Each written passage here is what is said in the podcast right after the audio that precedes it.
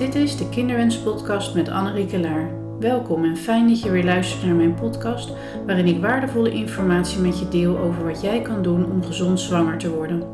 Deze podcast is speciaal voor jou als jij wil weten wat je kan doen om je vruchtbaarheid te vergroten, zodat je gezond zwanger wordt en de regie over je kinderwens kan behouden.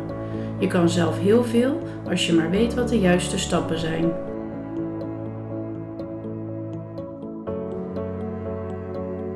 Welkom bij deze podcast over ijscelkwaliteit en ijscelvoorraad en waarin we 10 manieren gaan bespreken om je ijscelkwaliteit te verbeteren. En als zwanger worden niet vanzelf gaat, dan zijn er vaak veel zorgen rondom die ijscelkwaliteit en ijscelvoorraad, zeker als de leeftijd al wat toegenomen is. In de praktijk heb ik ook vaak gesprekken met vrouwen over ijscelkwaliteit en ijscelvoorraad. Want hoe zit dat nu met AMH en FSH? Of juist, mijn AMH is laag en FSH is hoog. Dus de gynaecoloog heeft gezegd dat mijn ijscelvoorraad laag is. En met die diagnose komen dan vaak weer allerlei aannames. En die kunnen weer voor zoveel verkramping en stress, mentale stress zorgen. want gaat het nog wel lukken of ben ik te laat als je te horen hebt gekregen dat je ijsselvoorraad laag is of de kwaliteit niet goed? Nou, het goede nieuws is dat je invloed kan uitoefenen op je ijsselkwaliteit en dat het gaat over kwaliteit in plaats van kwantiteit. En daar gaan we het over hebben in deze podcast. Nou, de gezondheid van die eicel is natuurlijk ontzettend belangrijk als je graag zwanger wil worden. Net als de gezondheid van de zaadcellen en de gezondheid van de eierstokken en de baarmoeder. Deze moeten allemaal in orde zijn als je, om, om je de beste kans op een zwangerschap te geven. En in deze podcast hebben we het vooral over de gezondheid van de eierstokken en de eicelkwaliteit. Nou, even kort de anatomie. Uh, in de eierstokken zitten een heleboel follicles of eiblaasjes ook wel. En in elke follicle zit dan weer een onrijpe eicel, ofwel een oocyt. En elke maand begint er dan een aantal van die follicles, dat noem je het follicle uh, cohort, te rijpen tijdens de folliculaire fase. Dus dat is de eerste helft van je menstruatiecyclus. En maar, aan, e, maar eigenlijk maar één van die follicles die komt tot volledige rijping en komt vrij tijdens die ovulatie. En die eicel kan dan door een spermatozoïde bevrucht worden. En het bevruchte eitje dat verplaatst zich dan uh, naar de baarmoeder om er zich in te nestelen. Dat is even in het kort wat er gebeurt. Uh, nou, wat is nu die eicelvoorraad? Die eicelvoorraad is het aantal onrijpe eicellen of oocyten dat in de eierstokken aanwezig is. bij mannen worden, worden die uh, spermatozoïden eigenlijk vanaf de puberteit continu aangemaakt. Maar bij vrouwen is dat anders, want je hebt al bij je geboorte het aantal follicles en dus ook eicellen waar je de rest van je leven mee moet doen. En je moeder is daarbij ook bepalend voor de kwaliteit van die eicellen bijvoorbeeld door wat ze at tijdens de zwangerschap. Als ze voldoende vetten in haar voeding had en, er, uh, en, er goed, uh, en dan zijn er goede vetten ingebouwd in die eicellen. En dan zijn ze bijvoorbeeld beter bestand tegen vrije radicalen die je DNA zouden kunnen beschadigen. En ook het aantal mitochondriën, dat zijn uh, kleine energiefabriekjes, zijn belangrijk. En als je moeder voldoende eiwitten at, dan zijn er voldoende, voldoende mitochondriën aangemaakt. En die zorgen weer voor de energie in je cellen. En voor bijvoorbeeld het kopiëren van DNA tijdens de eicelrijping. Maar ook uh, dat de bevruchte eicel zich kan blijven delen. Dus daar zie je maar al hoe belangrijk voeding is. En dat kan je dus vast meenemen richting als je straks zelf zwanger bent, dat die voeding ontzettend belangrijk is. Zowel uh, preventief, dus nu voor jezelf om die eicelkwaliteit te verbeteren, maar zeker ook straks in de zwangerschap. En die beginvoorraad, de eicelvoorraad, wordt tijdens de zwangerschap dus opgebouwd. Dus tijdens de groei van de baby in de baarmoeder. En vervolgens krimpt deze voorraad tot aan de overgang. En uiteindelijk eindigen eigenlijk maar 300 tot 400 van al die follicles in een ijsprong. Dus dat is eigenlijk helemaal niet zoveel. En ik zal even voor je idee, dit zijn gewoon allemaal getallen en cijfers die je even langs kan laten komen waar je verder niks mee hoeft. Maar dat je even een idee hebt van hoe zich dat ontwikkelt. Dus tijdens die zwangerschap zijn er wel 5 tot 7 miljoen uh, van die eicellen in de vijfde maand van de zwangerschap. Dus als je nog in de buik van je moeder zit. En dan sterven er eigenlijk nog een heleboel af uh, voor je wordt geboren. En dan word je ongeveer met 2 miljoen uh, eicellen geboren. En dat zijn er dan ongeveer nog 400.000 in de puberteit. En 25.000 op de leeftijd van 37,5 jaar. En dan ongeveer nog 10.000 op de leeftijd van 40 jaar. En je hebt er ongeveer nog 1000 over in de menopauze. Nou, hoe weet je nou hoe het ervoor staat met je ijsselvoorraad? Ehm, als je zwanger wil worden en dat lukt niet zomaar en je hebt het een jaar geprobeerd, dan word je door de huisarts doorgestuurd naar de gynaecoloog.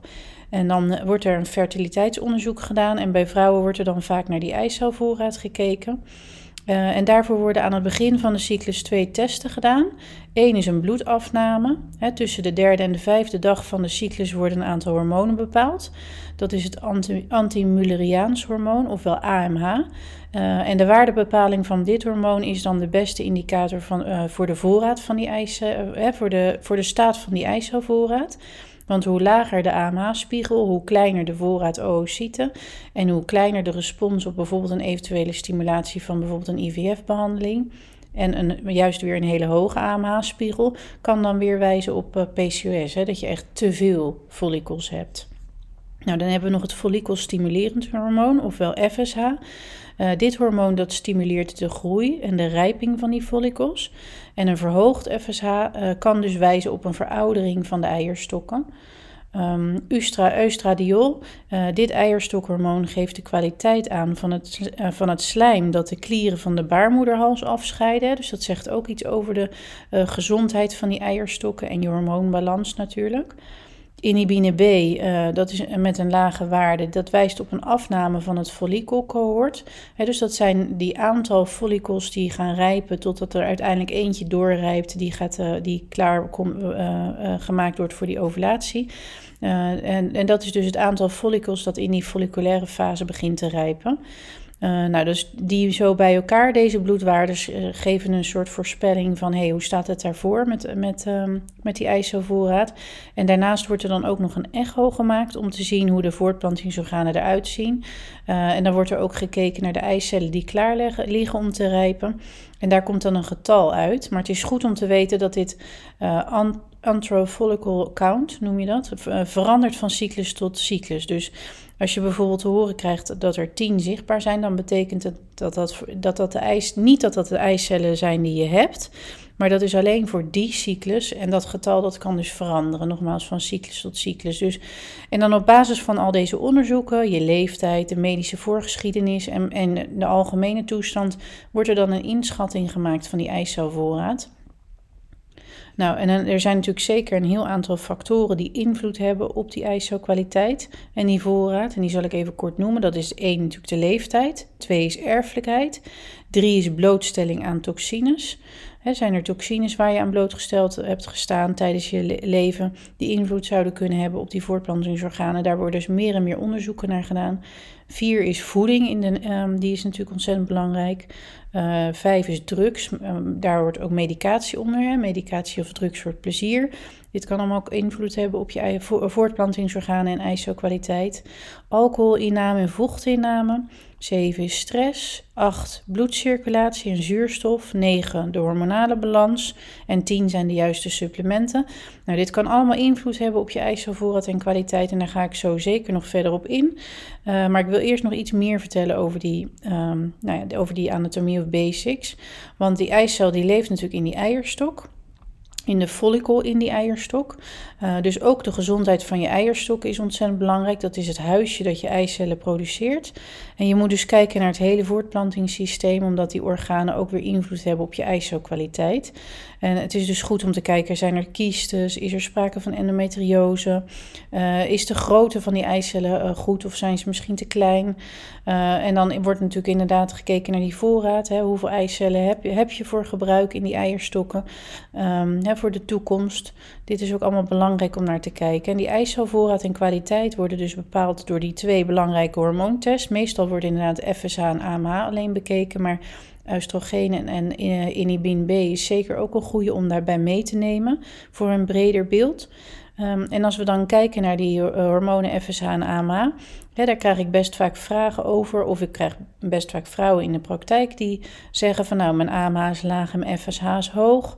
Uh, en dat kan natuurlijk ontzettend veel stress opleveren. Um, en, en zelfs ook een blokkade. En daar heb ik dan vaak ook wel uh, gesprekken over. Uh, want ja, het is natuurlijk goed om, om deze waardes te weten. Hè? Dat je een beetje een idee hebt van, van hoe sta ik ervoor. Maar ik zeg ook altijd, neem het niet uh, aan als van... hé, hey, dan zal het misschien niet meer gaan lukken. Of mijn ei, ik heb misschien nog te weinig eitjes. Maar parkeer dan verder die, waar, die diagnose in de hoek. Baseer daar wel de juiste keuzes op. Uh, maar je hoeft dan, het is niet zo dat. De, nou ja, ik ga daar zo nog even verder op in. Uh, want ik eerst nog maar even wat die waardes betekenen. Hè, er zijn referentiewaardes. er zijn referentiewaardes bepaald voor deze hormonen. Um, FSH heeft verschillende referentiewaardes bijvoorbeeld. Het liefst zie je die lager dan 10 uh, en het liefst boven de 4 of 5. Uh, heel goed is het als je tussen de 4 en 6 zit met FSH. Uh, tussen de 6 en 9 is ook goed. Uh, tussen de 9 en de 10 is oké, maar dan ga je richting de 10, waar je het liefst onder zou willen blijven. Uh, tussen de 10 en de 13, uh, als FSH daartussen zit, dan zou, dan zou dat al kunnen laten zien dat je ijzerkwaliteit minder wordt. En je ijzerkwaliteit iets, um, ja, iets meer aandacht zou kunnen geven, want die FSH gaat omhoog. Um, en dan is er nog een range tussen de 13 tot 17 en dan van 17 en hoger. En als FSH toeneemt, krijg je iets meer zorgen over die kwaliteit en over de hoeveelheid van je eicellen. Um, maar het is echter ook weer niet zo dat FSH niet kan veranderen. En dat, dat zie ik ook in de praktijk. Dus um, hoe, hoe, lager het is, hoe groter de kans dat, dat je die cyclus zwanger wordt.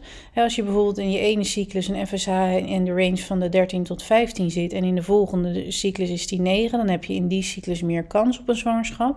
Maar het is natuurlijk ook weer niet zo dat je FSH elke cyclus moet gaan meten om daarmee uh, te bekijken of je uh, meer of minder kans hebt. Um, en het is ook belangrijk om hem in relatie te zien tot de andere hormonen natuurlijk. Nou, AMH is dan die andere die, die belangrijk is uh, voor die ijzervoorraad. En AMH staat voor anti-Muller-hormoon. Een, een hormoon dat uh, wordt afgescheiden door die, door die eicellen. Uh, en door op dit hormoon te testen aan de hand van een bloedtest... kan de arts ongeveer inschatten hoeveel levensvatbare eicellen er dan nog zijn in die eierstokken. Eh, nou, deze heb je liever iets hoger, maar ook weer niet te hoog. Hè? Ook weer liever niet hoger dan 3 of 3,5. Want dan zou je weer moeten uitzoeken of je mogelijk PCOS hebt. Um, nou, en dan zal ik ook weer even kort die uh, verschillende waarden in de verschillende leeftijdsfases doornemen. Um, nou, luister er even naar, schrijf het misschien even op. Uh, het is natuurlijk allemaal wat technische informatie, of, of wat, wat, maar dat je even weet ongeveer hoe het zou moeten zijn. Nou, als je 27 jaar of jonger bent, dan zou het mooi zijn als je die tussen de 2,7 en 3 zit. Als je 27 tot 33 jaar bent, is het mooi als die zo ongeveer 1,9 is.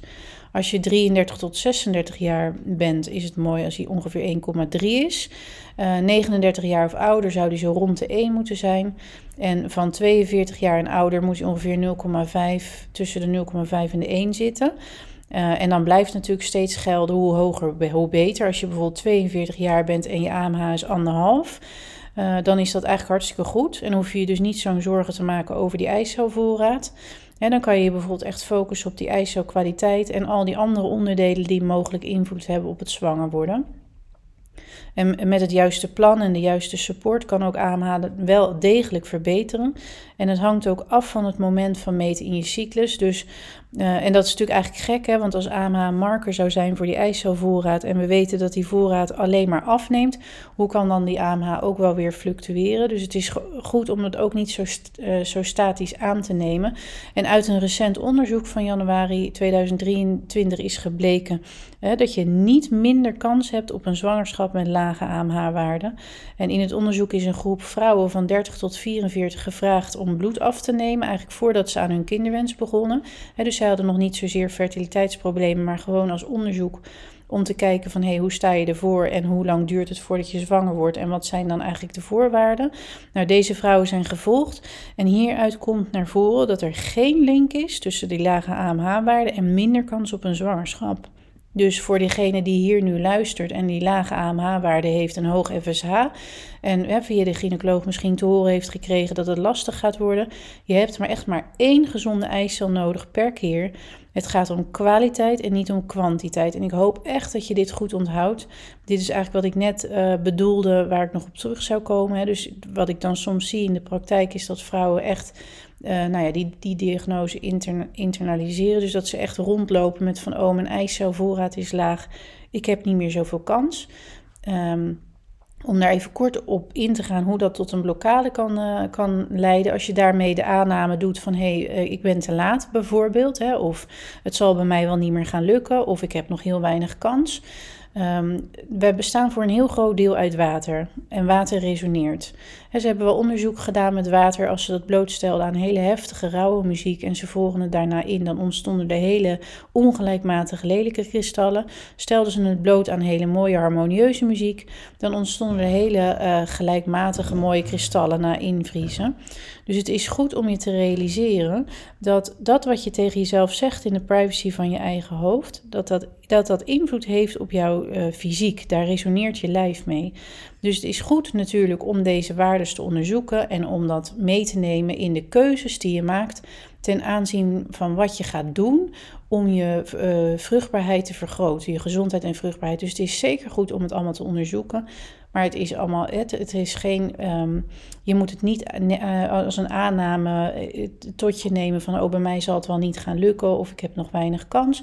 Want je hebt hier wel degelijk invloed op en nogmaals, je hebt maar één goede eicel per cyclus nodig. Dus als je gewoon zorgt dat alles goed in balans is en je hebt een ovulatie op het juiste moment, je hormonen zijn in balans, je darmgezondheid is goed, ja dan, dan heb je gewoon een goede kans op een zwangerschap.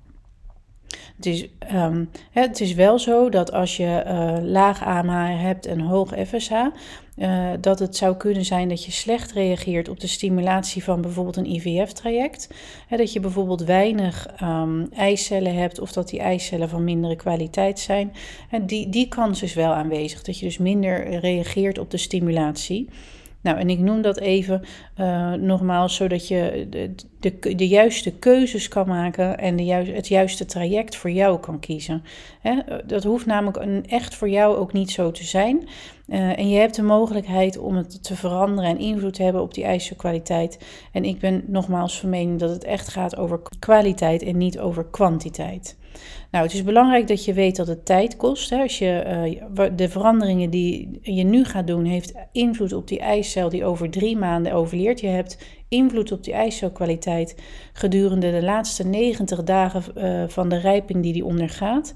dus het is echt niet zo dat je die verandering ziet in 1, 2 of misschien 3, 3 cycli. dat heeft tijd nodig, 90 tot 100 dagen en misschien nog wel langer. En dat hangt af van hoe je, uh, hoe je totale gezondheid is en hoe die eicellen ervoor staan. Uh, je moet dus geduld hebben en wees daarin ook aardig voor jezelf. En ook belangrijk, Trek niet elke cyclus weer in twijfel wat je aan het doen bent. Dus maak een goed plan op basis van de oorzaak. Uh, en dat kan moeilijk zijn, maar ik zie vaak dat, uh, dat er soms te snel van plan gewisseld wordt. Of dat je, eh, dat je net verbeteringen begint te zien. En dat er dan alweer wijzigingen doorgevoerd worden. En dat is zonde. Het kan tijd nodig hebben, afhankelijk van de cijfers en je totale gezondheid, uh, uh, waarnaar gekeken moet worden. Uh, heb dus echt geduld met jezelf en je eierstokken en stuur ze goede gedachten, maar geef ze de tijd die ze nodig hebben om te doen wat jij wil dat ze doen. Nou, hoe kan je daar nou verder ook nog invloed op uitoefenen? Eén is leeftijd. Nou, je, je kalenderleeftijd of de leeftijd die je hebt, kan je natuurlijk niet veranderen. Um, maar het kan wel zo zijn dat je lijf op je 38ste gezonder is dan dat het bijvoorbeeld op, uh, op zijn 35ste was, omdat je het geeft wat het nodig heeft. He, leeftijd kan invloed hebben op bepaalde waarden en het geeft wel een indicatie van waar je kansen liggen. Of leeftijd is, maar tegelijkertijd is het ook maar één onderdeel van al die puzzelstukjes die samen moeten komen.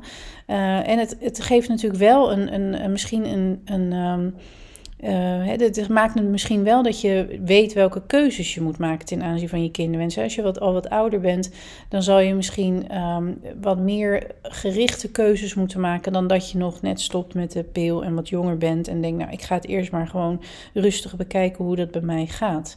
En kijk daarin ook naar je totale gezondheid. Vruchtbaarheid is een verlengde van je totale gezondheid en je lichaam prioriteert daarin. Als er systemen zijn die veel aandacht vragen, dan gaat daar eerst de energie naartoe. En dan kan het zijn dat de vruchtbaarheid op een lager pitje uh, gezet wordt. En dat heeft ook zeker te maken met het tweede punt, erfelijkheid misschien denk je nu, ja, als ik ermee geboren ben, dan kan ik er toch ook niks aan veranderen.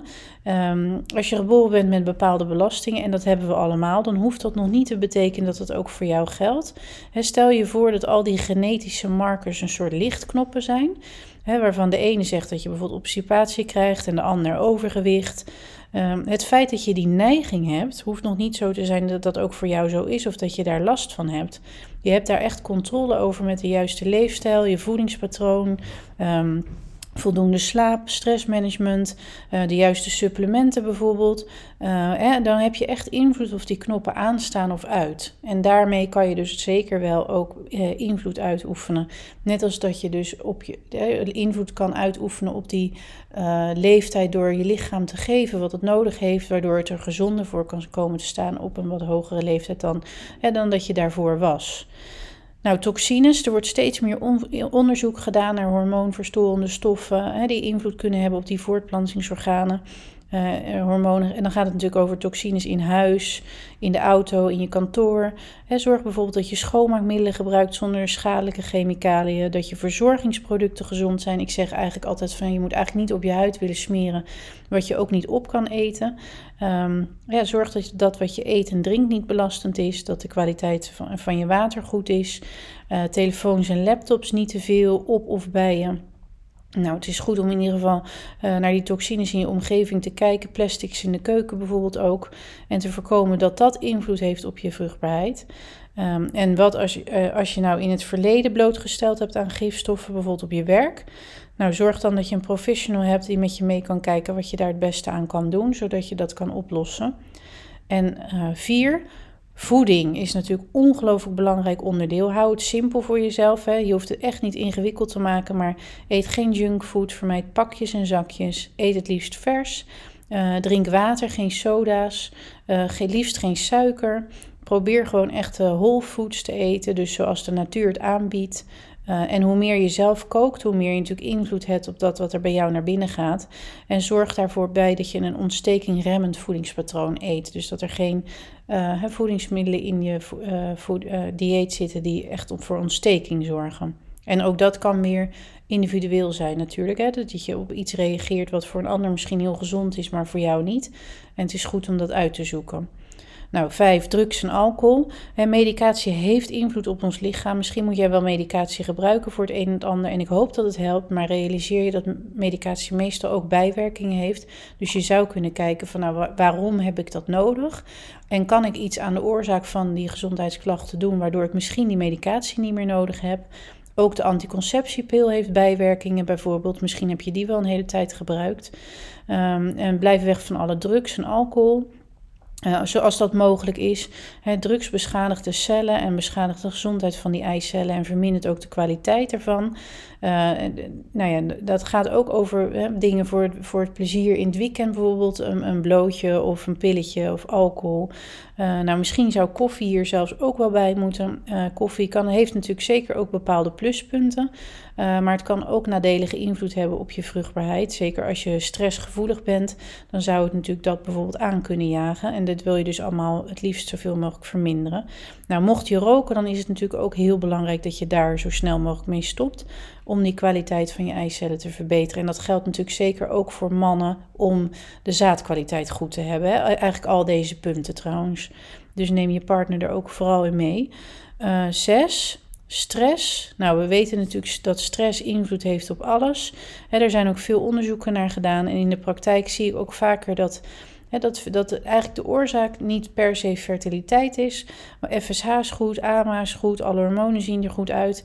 maar waar komt het dan vandaan dat het zwanger worden niet lukt? En stress zou daar zeker de oorzaak van kunnen zijn.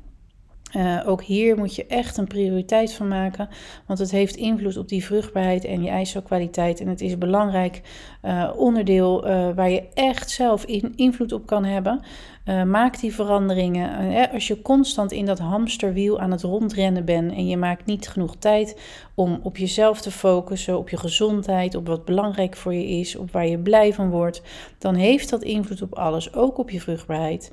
En uh, toevallig had ik laatst in de praktijk nog wel een gesprek met een, een dame die eigenlijk dacht dat stress voor haar helemaal geen issue was. En toen had ze de middenhandsbeentje gebroken en moest er dus veel meer rust nemen. En zei ze van ja, eigenlijk kom ik er nu tot de conclusie dat ik eigenlijk veel meer stress had dan ik dacht. Nu vallen de dingen weg die ik niet kan. En nu kom ik tot rust en realiseer ik me, jeetje, ik was eigenlijk veel gestrester dan ik dacht.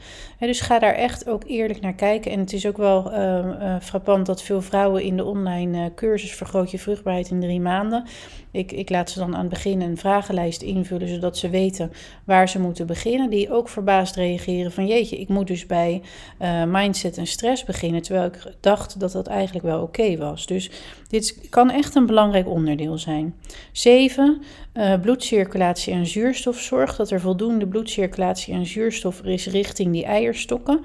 Uh, die, hebben, die hebben dat echt nodig voor een goed, goede, goed functioneren. En daarbij is natuurlijk bewegen ontzettend belangrijk. dat zorgt natuurlijk voor, uh, voor bloedcirculatie en toename van zuurstof.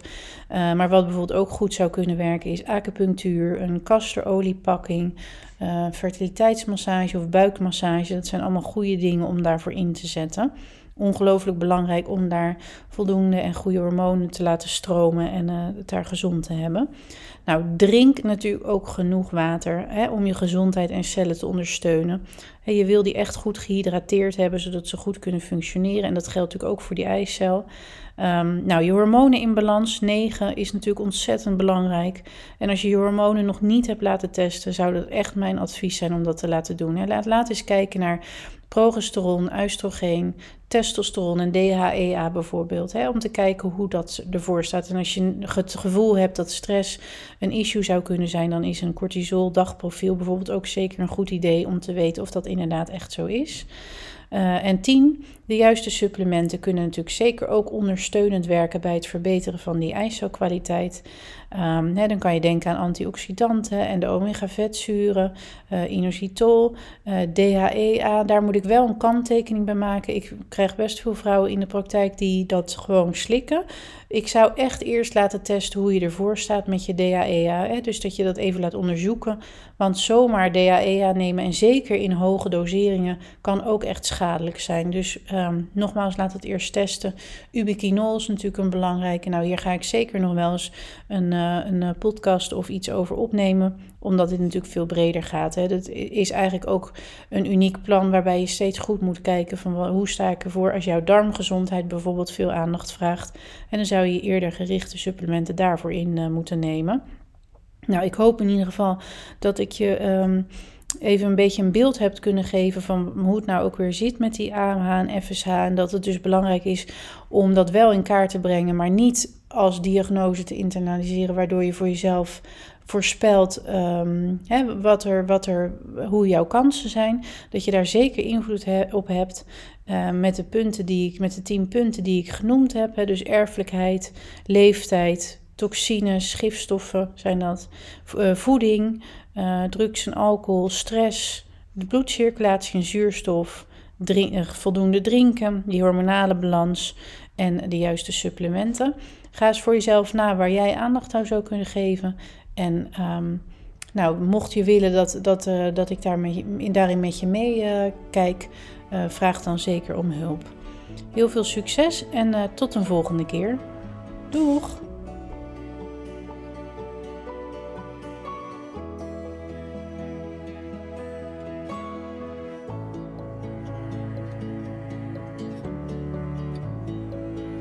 Fijn dat je luisterde naar deze aflevering van de Kinderwens Podcast. Ik hoop dat het je heeft geïnspireerd, vragen heeft beantwoord of misschien juist vragen heeft opgeroepen. Heb je vragen of wil je reageren op deze podcast? Stuur dan een e-mail naar info@centrumvoorkinderwens.nl. De Kinderwens Podcast is ook te vinden op Facebook, Instagram en LinkedIn. Vind je deze podcast waardevol, dan zou je me enorm helpen door een review te schrijven en met 5 sterren te waarderen. En wil je de podcast overzichtelijk onder elkaar? Abonneer je dan. Jij bent dan ook de eerste die hoort als er een nieuwe podcast beschikbaar is. Deze podcast wordt mogelijk gemaakt door Centrum voor Kinderwens. Wil jij graag je vruchtbaarheid vergroten? Dan is er het programma Vergroot je vruchtbaarheid in drie maanden. Meer informatie vind je op www.centrumvoorkinderwens.nl. Mijn naam is Annerieke Laar. Bedankt voor het luisteren en tot de volgende keer.